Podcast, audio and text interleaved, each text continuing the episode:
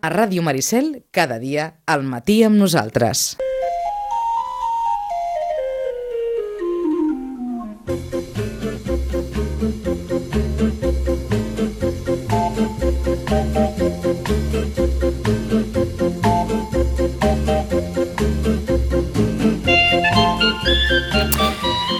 Onze i 12 del matí. Seriòfils, nova temporada no, perquè la temporada ja va començar, oi? Uh, però bé, nou any de, de seriòfils, amb estrenes, amb coses... No, no és que no ens hagin, portat moltes de, de novetats, alguna, com sempre, crida l'atenció. I, I hi ha notícies, també també hi ha, hi ha notícies interessants. De moment tenim el, eh, en Nacho en Camil, esperem que allò a, a tres quarts puntuals se'ns se se se connecti, perquè clar, com els hem de tenir lluny, doncs no ens estan esperant aquí a la sala d'espera, sinó que els veiem després darrere de la pantalla. I ara veiem en Nacho, que tenia un, un sobre a la mà, ui, un sobret. Anava a dir, no serà pel mal de cap de l'última sèrie que ha mirat. Nacho, bon dia. Hola, bon dia, molt bon dia a tothom. Anava a dir, no era bon pel mal any, de... que feia, feia des de l'any passat que no, no ens saludava. Correcte, des de la vigília de Nadal, que vam fer l'últim. Feia, feia molt de temps, hem trigat a tornar aquesta vegada. Què va, què va, estava fent temps i tenia aquesta tovalloleta... Ah, era una tovalloleta. Hidro, hidroalcohòlica que em van donar a la Renfe un dia que vaig fer un viatge a Madrid i la tenia per aquí i estava jugant amb ella. No, Mhm. no, de moment no tinc mal de cap. Eh, M'he tragat moltes sèries molt dolentes, però algunes Mm. molt bones també, però no m'han donat de moment mal de cap. D'acord, doncs escolta una cosa, a, a, mentre esperem, en Camil es veu que està intentant connectar-se, però es veu que també deu anar amb la Renfe. Um, doncs això, um, fa unes hores Netflix, i això, això ho afegeixo jo, fa unes hores Netflix sí? ha anunciat una pujada de preus als Estats Units i crida l'atenció perquè l'última pujada es va produir fa poc més d'un any.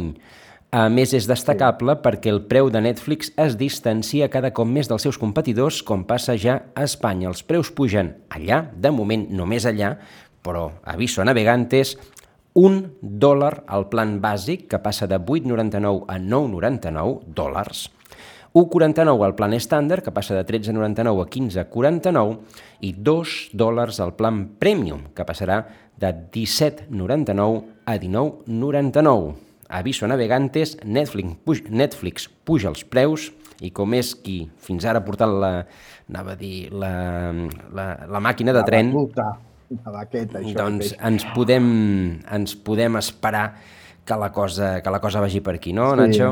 A veure, diuen, diu aquell refrán que cuando las barbas de tu vecino veas cortar, posis les teves en remull. A veure, si han pujat preus als Estats Units, segurament mm, arribarà aquesta pujada aquí, tot i que no sé si encara fa un any que van pujar preus. eh, El temps passa tan ràpid que ara no recordo exactament quan va ser la darrera vegada, però no fa gaire.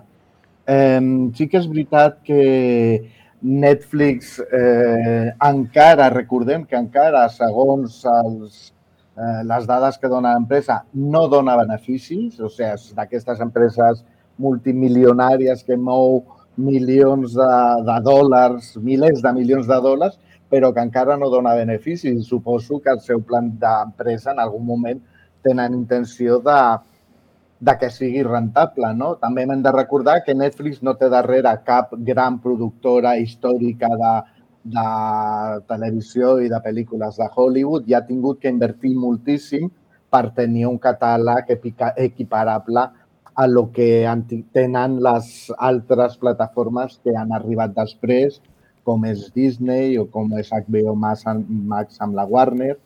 Llavors han tingut que fer una inversió brutal. Suposo que ells han fet els seus càlculs i bueno, doncs pugen preus i segurament també faran allò que ja van començar a fer de, de capar lo de les pantalles compartides, que ja ho van fer una miqueta, penso que quan va haver-hi aquesta darrera pujada, i ara s'ha sentit que és possible que tornin a apretar Mm. els cargols per, per, per aquest motiu. És a dir, que és evident que el que necessiten és, ara que ja tenen una quota important de, mm, d'abonats, doncs que aquests abonats paguin una miqueta més i d'aquesta manera doncs, poder donar de menjar la bèstia. Eh, si surti rendible a l'invent. Ja, uh, té molt d'èxit, però bueno, ja se sap que a vegades hi ha empreses que moren d'èxit, no? O sigui que, uh -huh. bueno, esperem que d'aquí pocs mesos aquesta pujada ens arribi a nosaltres. Doncs eh, amb, aquesta, amb aquesta temença d'última hora, espera que agafo el paper, ara, amb aquesta temença d'última hora, doncs, eh, tenim...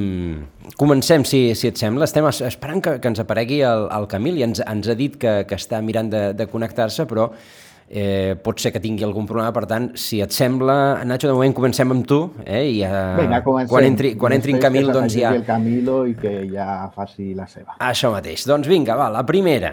La primera és una segona temporada, no Netflix, sinó començarem avui per HBO Max, eh, que sí. estrena la segona temporada d'un dels seus grans èxits de l'any passat. This is not easy, but I'm of each and every one of you for trying to take this on. Because it's no future in addiction. When I first met her, I was just immediately in love. Rue? How you doing?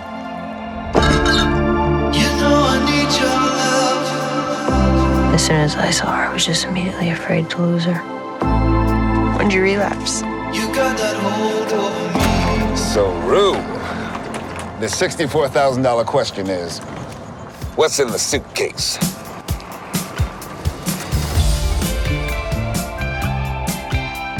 I no sabem què hi ha a la maleta, però bueno, eh, el que sí...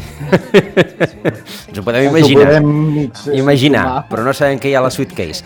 Uh, There is no future in addiction, deia al principi del, del tràiler la, la persona del grup d'ajuda uh, sí. per la segona temporada de Eufòria.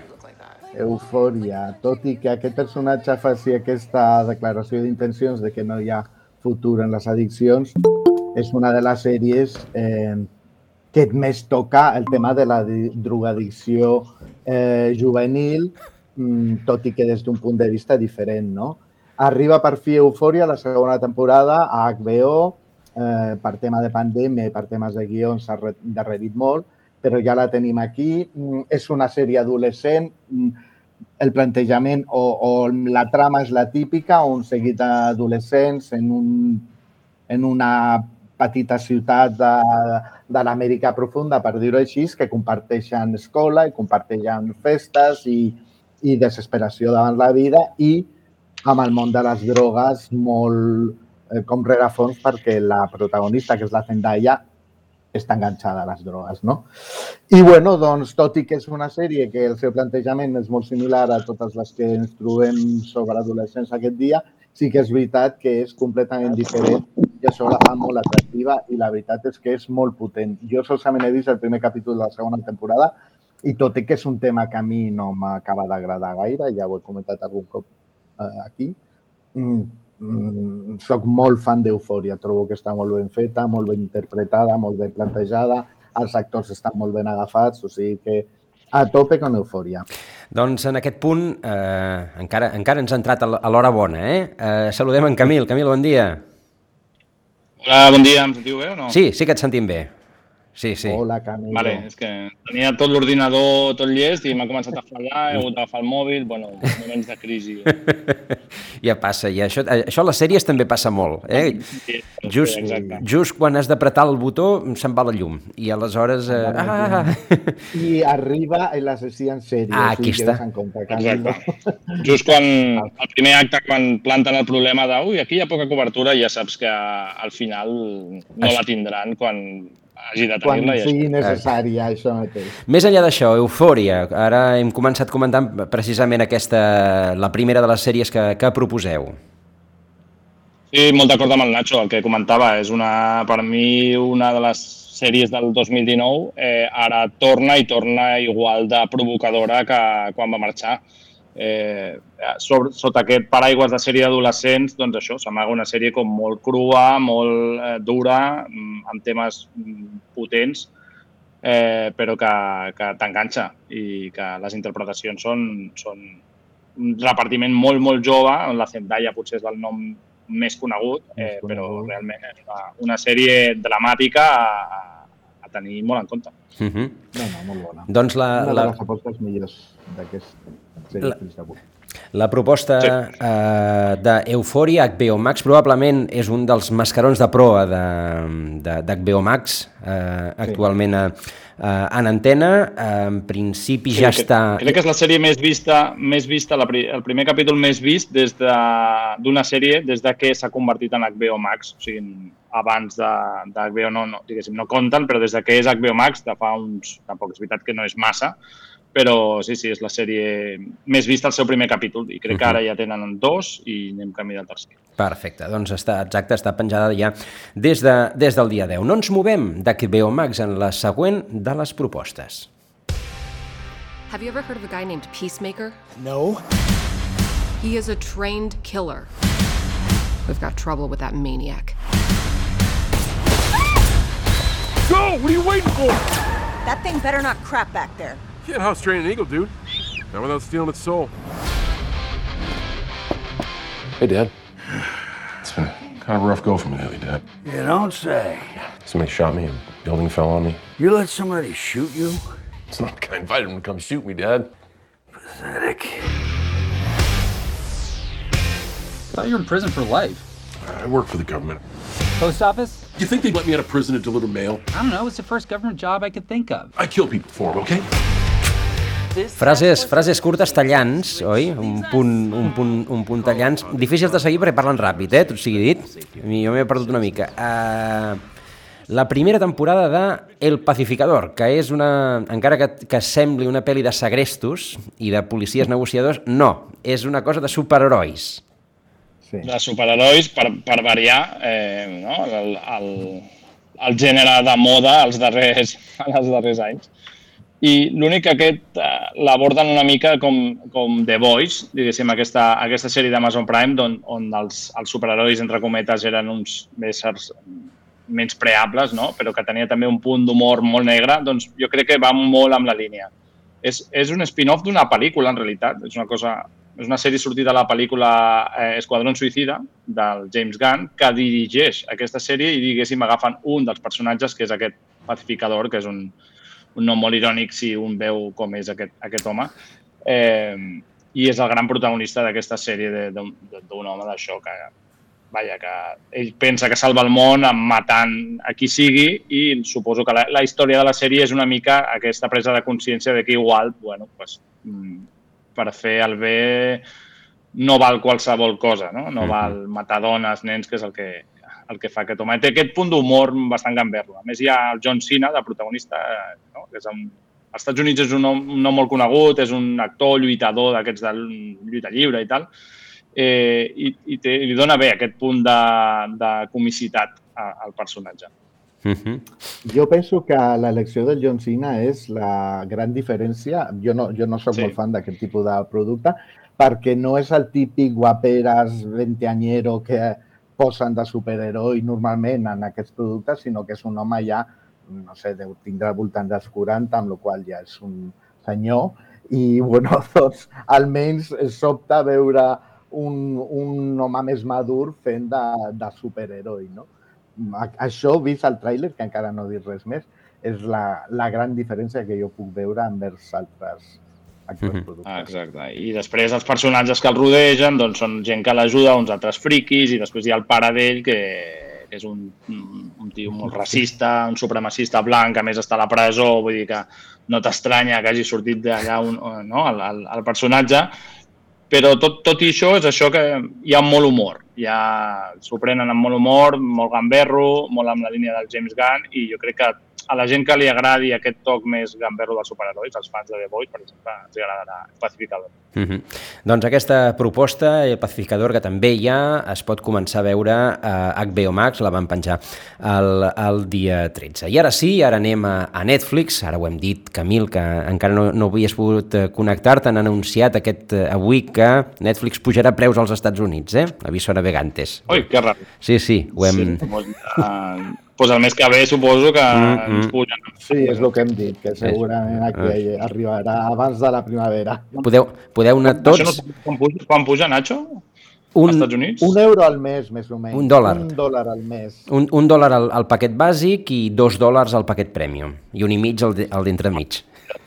Ah, vas sumant, vas sumant i... va. Bueno, ho vam parlar més d'un cop, no? Que hi ha un moment que han de fer alguna cosa. Vull dir, quan ja no creixen més eh, i necessiten diners, l'única manera que s'ha m'acut o és o publicitat. també que segons els grans, eh, da, les grans dades econòmiques, Netflix encara no ha donat beneficis. Uh -huh. O sigui No. que té mol, mou molts milions per allà, però encara no ha donat beneficis als seus eh.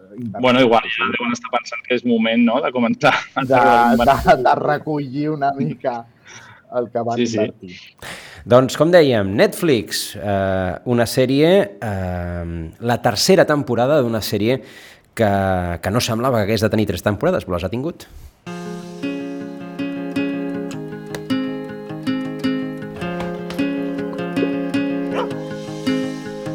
I've decided to go on a little trip to scatter my dad's ashes. Oh, that's sweet. My ashes? You're not my dad, remember?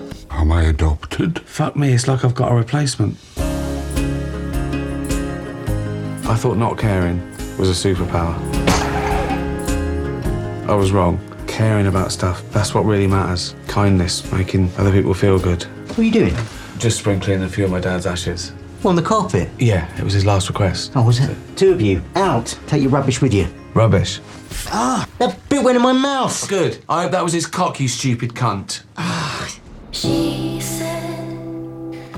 I és la tercera temporada de Afterlife, aquesta història tendra d'un home que, que perd a la, a la seva dona i que, i que la va recordant. Tercera i darrera temporada, oi?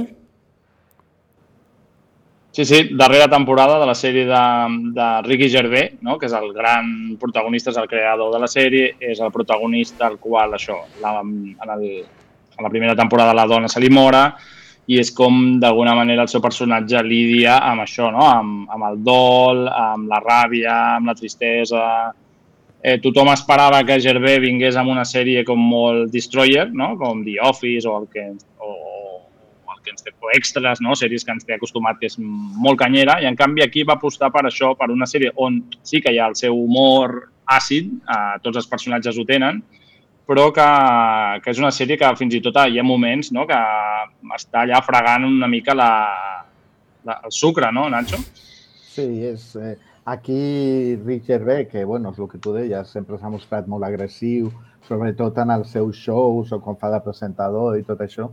Aquí, mm, jo no sé si és que es fa gran també, com ens passa a tots, però dona, mostra una mica la seva part més tendra, entenent tot lo tendre que pot ser un personatge com Rick Gervais. No? Eh, jo no sóc molt fan del Rick Gervais, tampoc, però Carai, reconec que avui, avui, sèrie... avui Nacho, de moment, no n'encertem ni una, eh? Eh, però no, hauria de trencar una llença a favor d'aquesta sèrie que, bueno, mm, té el seu punt i és interessant i el punt de partida, que és el que comentava Camil, és que ella, és, bueno, tu has, també has comentat, que ella es queda vidu i, bueno, totes les reflexions que fa i tot el que troba a faltar a la seva dona i, i bueno, viu, continuar la vida amb, sense esperança. Llavors, això fa que el sentis molt més proper. Tot i que amb, amb les imatges de fons de la campinya anglesa tot és més fàcil, eh? tot sigui dit, sí, perquè és que sí, només veient el tràiler... No sé, però sempre prenen aquestes imatges els dies que hi ha molt de sol Aquí. i que el, el cel sí. està molt blau, que dius... Igual amb el canvi climàtic, no sé. Això, tothom surt a gravar per agafar-les, però bueno. A mi, a mi sempre em recorda el poblet aquest d'una sèrie que feien fa molts anys amb plastilina de Bob al carter. No sé si, sí, sí. Aquest tipus de, de poble, no? Allò... Bueno, i l'Oveja Shaun també, també va per aquí, eh? Sí, sí, sí. sí, sí. És una mica això. Tots aquests pobles idíl·lics. L'ha clavat, sí, sí, que sempre fa bon dia, tal, que dius, bueno, no, això és Anglaterra o què? Sí, bé. Bé, doncs... A veure, a veure no sé, jo no l'he vist, eh, però a mi les dues primeres em va agradar, però jo crec que amb dues ja tiràvem. No sé cap... si calia una tercera, uh, veurem, però bueno, sempre és interessant el que proposa Germí. Sí, sí, ha volgut... A veure, aquí, aquí es veu que se li mor el pare, també, que porta les cendres amunt i avall. Uh... Pobre home. o sigui que bé, ja posats a dolç, oi? Ja, ja els anem afegint. Afterlife, la tercera i darrera temporada d'aquesta de sèrie del, del Ricky Gervais, uh, que la poden trobar a, a Netflix. I ara la següent proposta que m'atreviria a qualificar-la com inqualificable. Vinga, va, Stars Play. Ahora mismo una mujer cualquiera acaba de hacer la compra semanal. Ella aún no lo sabe, pero la van a secuestrar. Van a calcular su rescate en función de su coche, de su ropa, de su móvil de última generación. En ese momento su vida pasa a depender de una llamada de teléfono. Bárbara, ¿cuáles serían tus miedos? Tengo miedo que lo que me pasó a mí le pase a una de mis hijas. La policía cree que los secuestros express se pueden resolver como cualquier otro delito, pero se equivoca. Las cosas han cambiado. Localizados, Bárbara. Somos un grupo de intervención atípico. Cada uno de vosotros tiene una habilidad única para resolver secuestros express. Dejar la policía es lo mejor que he podido hacer. Ya no estoy rodeada de gente tóxica. Gus, ¿me perdonas? ¿Por qué? Por no estar cuando me necesitas. I ja està, i més o menys la cosa, la cosa va per aquí. Ens han explicat mitja sèrie, oi? Eh, sí. El, el, el grup... Que no, no, no ha pogut anar a veure el partit de béisbol del fill o alguna cosa El- així. No? sí, bueno, sí. Un canvi. No, aquí, aquí seria de futbol. Aquí seria de futbol. Aquí seria futbol, sí, perquè això, la sèrie passa a Espanya. Sí, Suposo sí. que a Madrid, ara no sé ben bé. Ara, Sí, eh, prim, primera sèrie espanyola, no?, de, de produïda, diguéssim, a Espanya per Stars Play. Per que és Stars aquesta... Play, sí, amb un... Eh, bueno, estan darrere els creadors de Vis a Vis i té com un punt de Sí. connexió amb totes aquestes sèries tipus La Casa de Papel, on la posada en escena és molt potent i, i les escenes de, les escenes d'acció són també com molt vistoses i el tipus de personatge aquest com molt llançat cap endavant, eh, amb dones molt potents que, bueno, eh, es, lluiten per... Eh, lluiten mm, darrere de la policia, per dir-ho així, per, per, per eh, atrapar a, psico- a, sí, bueno, els, els segrestadors express. A, a delinqüents que fan segrestos express. A delinqüents que fan seqüestres express. El, el, que, el que passa és que, clar... Ella és Cibantos, no?, que estava vis a vis també, és la protagonista i és una persona a la qui segresten, eh, quan era policia li fan un segresto express i quan torna, diguéssim, a part dels traumes i de saber qui l'ha segrestat, doncs ella fa un grup d'aquests Mm, Para, sí, paralegal. Parapolicial. Exacte, tot una mica com molt agafat pels pèls, molt pel·liculero en el sentit americà, no? de palomitero, que li diuen, Mm. de, de, de, Sí. de, de creure tot això, que això pot passar. I, I jo crec que tenen un problema també les sèries espanyoles amb les veus en off, als trailers, perquè és, és, és absolutament aberrant. Vull dir, les comences a sentir i dius, "Uah, és que no. És que no t'ho creus. Exacte, no conec res, està deixant el, el text com qui llegeix allò, un prospecte, vull dir, no sé, eh, és el tràiler, vull dir, fes algú que, que et deixi com, uau, vull veure Sí, eh, que enganxi una mica. Jo penso que és una mica un problema dels actors espanyols, que les veus sempre... Sí. Eh, potser no és la part que més treballen quan estan a les escoles, dic jo, eh? perquè tots Mm, parlen sí, sempre perquè- molts gemecs i tal, llavors... Eh, el seleccionen a vegades mm, per, per, per, per les qualitats actuals, entenc, però també molt pel físic, no? Molts venen de sèries d'èlites, de, on té molta importància la- la- l'aparença física i a vegades doncs, de, les, la vessant actoral doncs, deixa, deixa una mica que desitjar. Jo crec que això eh, es nota. I quan Mhm. ha de carregar la sèrie, doncs, la Maggie Cibantos, eh, que crec que és millor actriu de, que, vull dir que té millor que veu. Que mostra. Exacte. Però és un problema eh, que passa, és veritat, amb moltes sèries espanyoles, fins i tot amb actors de primer nivell o a nivell popular com Mario Sí, Casas, no? conegut, o- un dia un trailer que bé, ens ven cada tots com això. Que, com? O el Coronado mateix. Però bueno, no, no I continuarem, clar, que si no... quan És... tipus amb la veu en off de sí, jo soy tal i mi pastor no sé què, i no et creus absolutament res, doncs tenim Sí, un problema. i, i que, el- que l'argument ja és una miqueta agafadet amb pinces, eh? Perquè si, Uf. perquè si me tienen que secuestrar express... Sense, sense l'una mica. Exacte, per això, o sigui, bé, és igual, perquè quan, quan comences a veure que ja, ja, ja et prenen el pèl en el tràiler, dius, ostres, el tràiler en principi clar. ha de ser per enganxar i després, mm, després ja descobriràs les coses mirant, mirant la sèrie, però clar, si, si en el tràiler ja dius, ostres, però si aquí en, relli- això ja rellisca això, però bé, és igual, no entrarem. Ah, també és un producte Jo que m'agrada. jo, crec que la, jo, jo crec que la Casa de Papel ha anat molt bé, però també ha fet molt mal. Ah, en- aquí en està. sentit. Do- Dona I aquesta ara sensació. trobarem unes quantes mostres de mm, jo vull ser la propera a la Casa de Papel i pues, Grupo, per aquí. però, però és que a més a més, eh, grupo, especialistes, cadascú eh, sirve para una cosa, eh? la, la, la quadrilla de los 11, això és. I a partir d'aquí, doncs, eh, el, el que vulgueu. I, clar, diguem que està, està com, molt, com molt gastat, a no sé que, que trobis algú nou, mm, no sé, és, és la sensació que m'ha donat. Per això, trobar eh, trames d'acció noves que no s'hagin explotat, però Mhm. sí que és veritat que bueno, a vegades hi ha eh, no sé, excuses molt, molt, molt difícils d'empassar-te mm, que bueno, o Patilleres. estan molt, Sí. molt, molt ben fetes o si no als 10 minuts dius Bueno, qui, eh, per qui no ens hagi escoltat, per qui no ens hagi escoltat, que sàpiga que es diu Express i que, Express. i que ja està penjada també a, a, o començada a penjar a, a Stars Play mm, dic, perquè clar, si algú ens ha escoltat no sé si sí. tindrà ganes de veure-la, oi? No Però sé bé, si es quedarà tindrà ganes, no? Però potser, escolta, a vegades, eh, Com? hòstia, aquest, això que m'han dit que és tan dolent, vaig a veure si realment... l'hem afusellada, pobreta, potser està millor del que... Sí, els americans parlen d'això com un gènere de tan dolent que és bo. Saps? Allò, una sèrie que és tan dolenta que al final t'atrapa perquè dius... Que és divertida. Això passa molt a les Exacte. pel·lis de terror. Les Mm. pel·lis de terror hi ha algunes que són tan dolentes que la veus i et fas un... Com una comèdia, exacte. Eh, Sí, Bueno. una comèdia. Doncs està, està uh, Stars Play eh, Express. Vinga, va, la... avui anem, anem de tancament de temporades, perquè també la següent, a Netflix, també tanca la, la, tot, mm, tota la, la quarta temporada, que serà la última, i que, i que es podrà veure a partir de la setmana que ve. Should we get started? Not until our other partner gets here. Partner? So, what's this message from Mexico so important you had to drag us all in here? The Navarro cartel has been made aware that you intend to start producing heroin again. They have instructed us to warn you their response is going to be quick and it's going to be brutal. We're just the messengers here.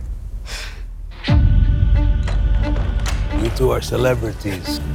You will use your influence. I will walk away from my business. I will be free of the threat of arrest or assassination and to move freely to the United States. Omar Navarro wants to cut a deal with the FBI. What would it take? More than he's willing to give. I el mafiós que els hi proposa allò, si m'ajudeu, jo us ajudaré. Quarta temporada d'Ozark. Un dia vaig llegir que si t'ha gustat la Casa de Papel, mires Ozark.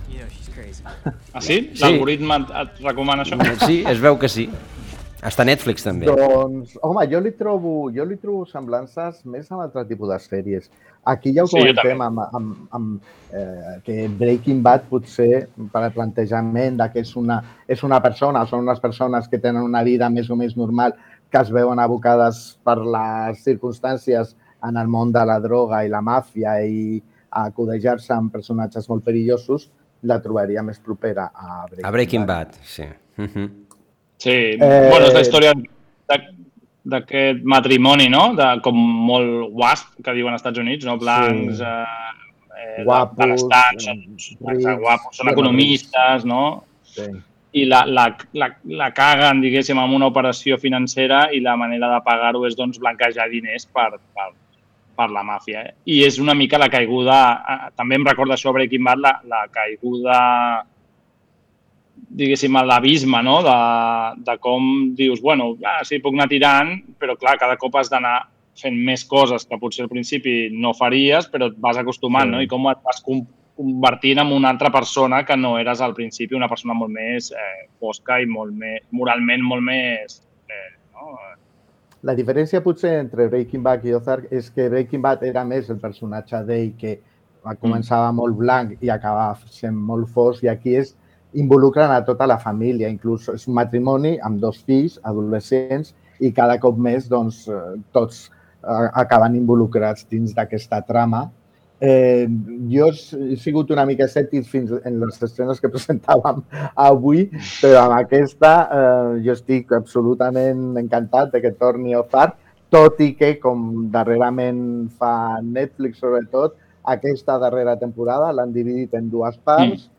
Eh, però bueno, a mi Ozark va agradar des del primer moment i bueno, tinc moltes ganes perquè la tercera temporada acabava amb una notícia d'aquestes molt, molt, molt, molt punt alta, que es diu, i bueno, a veure com ho resolen aquesta nova temporada. Sí, sí. Està, els protagonistes estan sensacionals, tots, i sobretot el matrimoni aquest del que parlàvem, el Jason Bateman, la Laura Linney, són dos noms potents amb el cine de Hollywood i, i realment estàs amb ells tota l'estona, eh, te'ls creus i, i tens aquest punt de, de i ai, ai, a veure que, com se'n surten d'aquesta altra, perquè és veritat que al final de la tercera és com, uau, a veure com... Sí, a més, com això, aquesta sensació de que cada cop estan més, més endinsats dins d'aquest món i que i van a una festa i estan allà a la festa però no estan gaudint perquè estan mirant a veure què pot passar en qualsevol moment.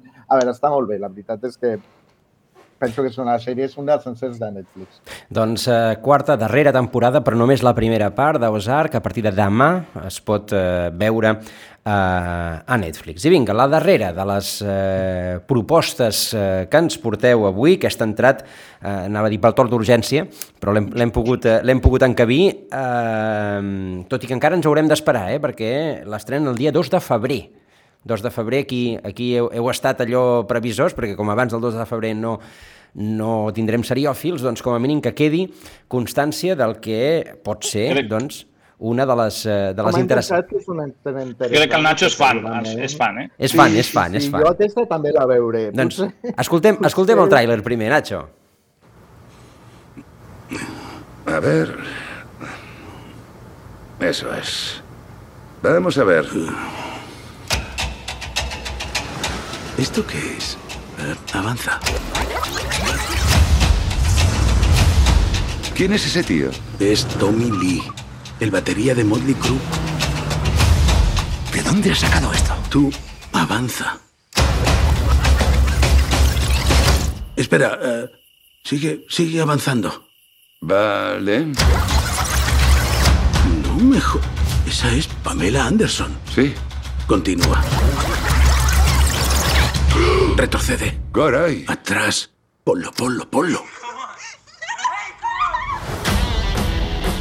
I ja es poden imaginar el que estan veient aquests dos personatges. Ponlo, ponlo.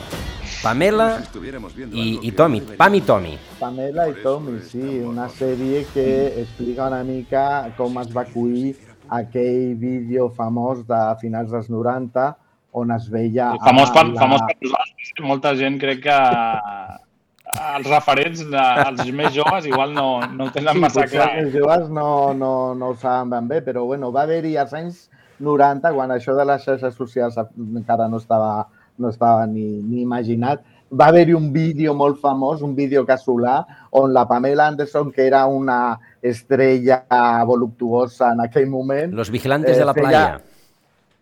Perdó? Los vigilantes de la playa. vigilantes de la playa, això mateix. Doncs mm, feia l'amor amb el seu marit en la lluna de mel i tal, no? Llavors, aquell vídeo va ser el primer vídeo, diguéssim, sexual que es va convertir en viral i es va fer molt famós per tot el que va comportar darrere, no?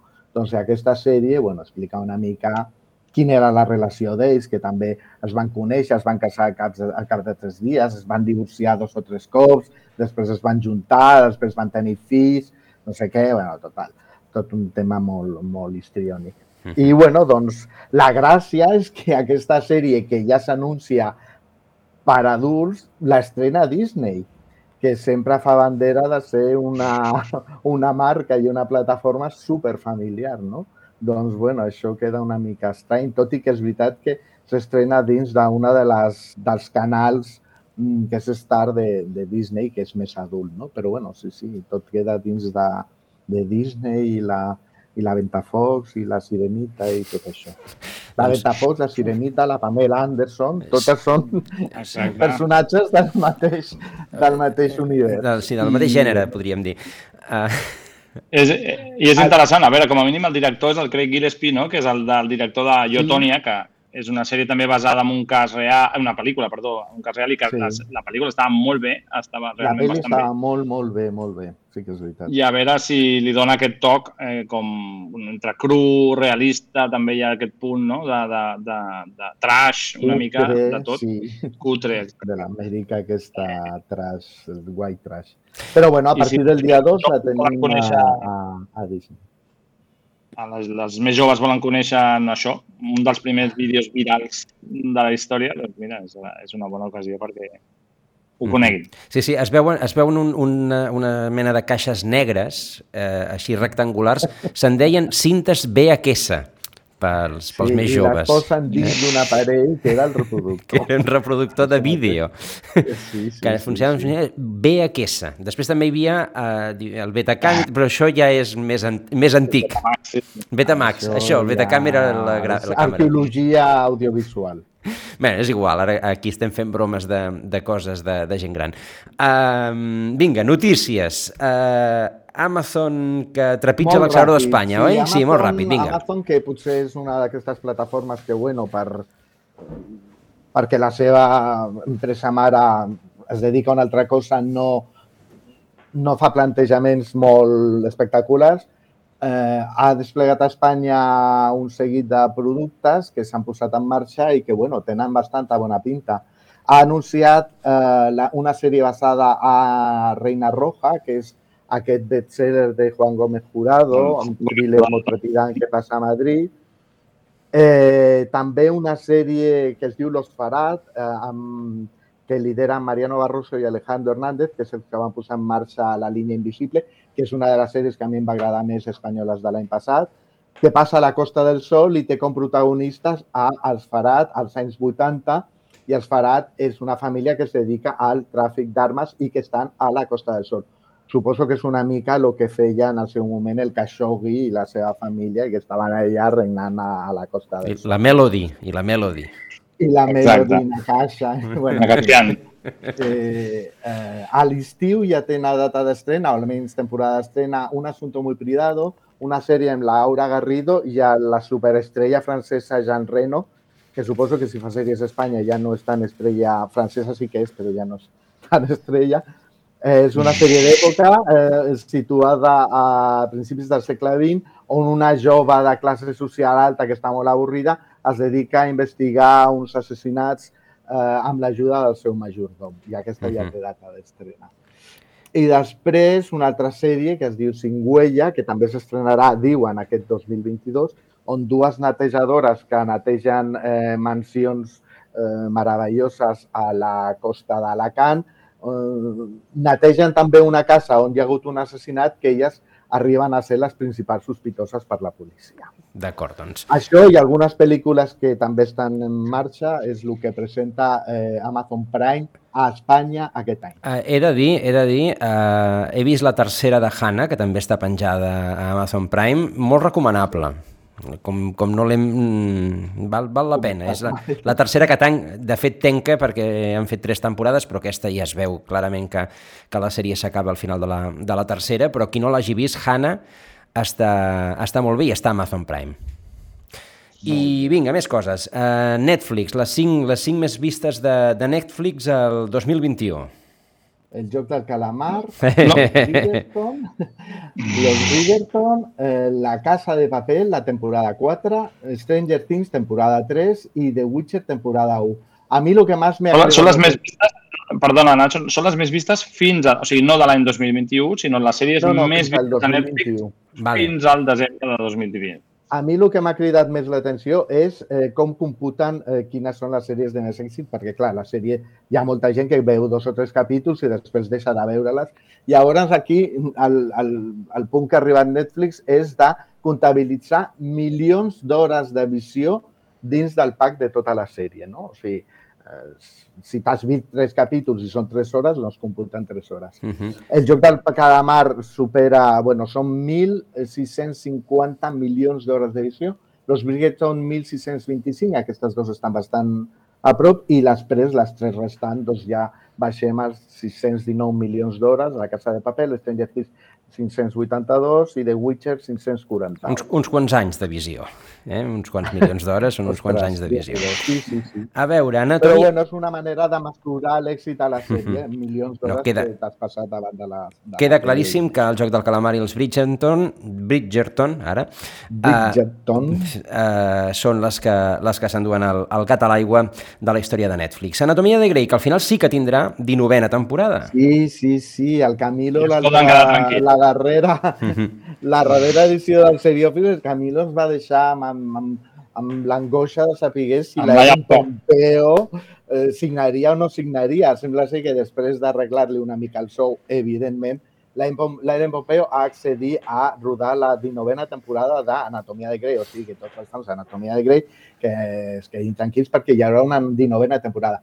Ho ha confirmat a les xarxes socials la ABC, que és la productora, i ho ha confirmat la- l'actriu, tot i que ella afegeix una cua dient que també està desenvolupant altres projectes professionals. O sigui que segurament tot sembla que la 19a temporada serà la darrera. Però bueno, en aquest món de, de les estrelles i dels diners i Hollywood tot pot passar. Res, res és blanc o negre, tot és grey.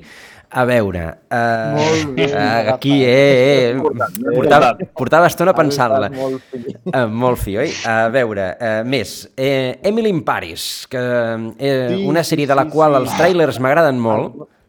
Es va... És, és una sèrie que, déu nhi que està en boca de tothom constantment i molt per sobre del seu nivell. Per res. És una cosa, té És una sèrie que hauria de passar desapercebuda, perquè, o, o amb un públic molt concret, perquè bueno, és una comedieta romàntica i tal. Sí, és la, la Valeria... La Valeria americana amb, amb mitjans, podem dir. Eh, bueno, doncs Emily in Paris es va estrenar la segona temporada al desembre i el seu primer cap de setmana va ser un èxit tan aclaparador que mm, eh, Netflix ja ha assignat per dues temporades més. O sigui que tindrem fins, almenys fins, arribarà fins a la quarta temporada.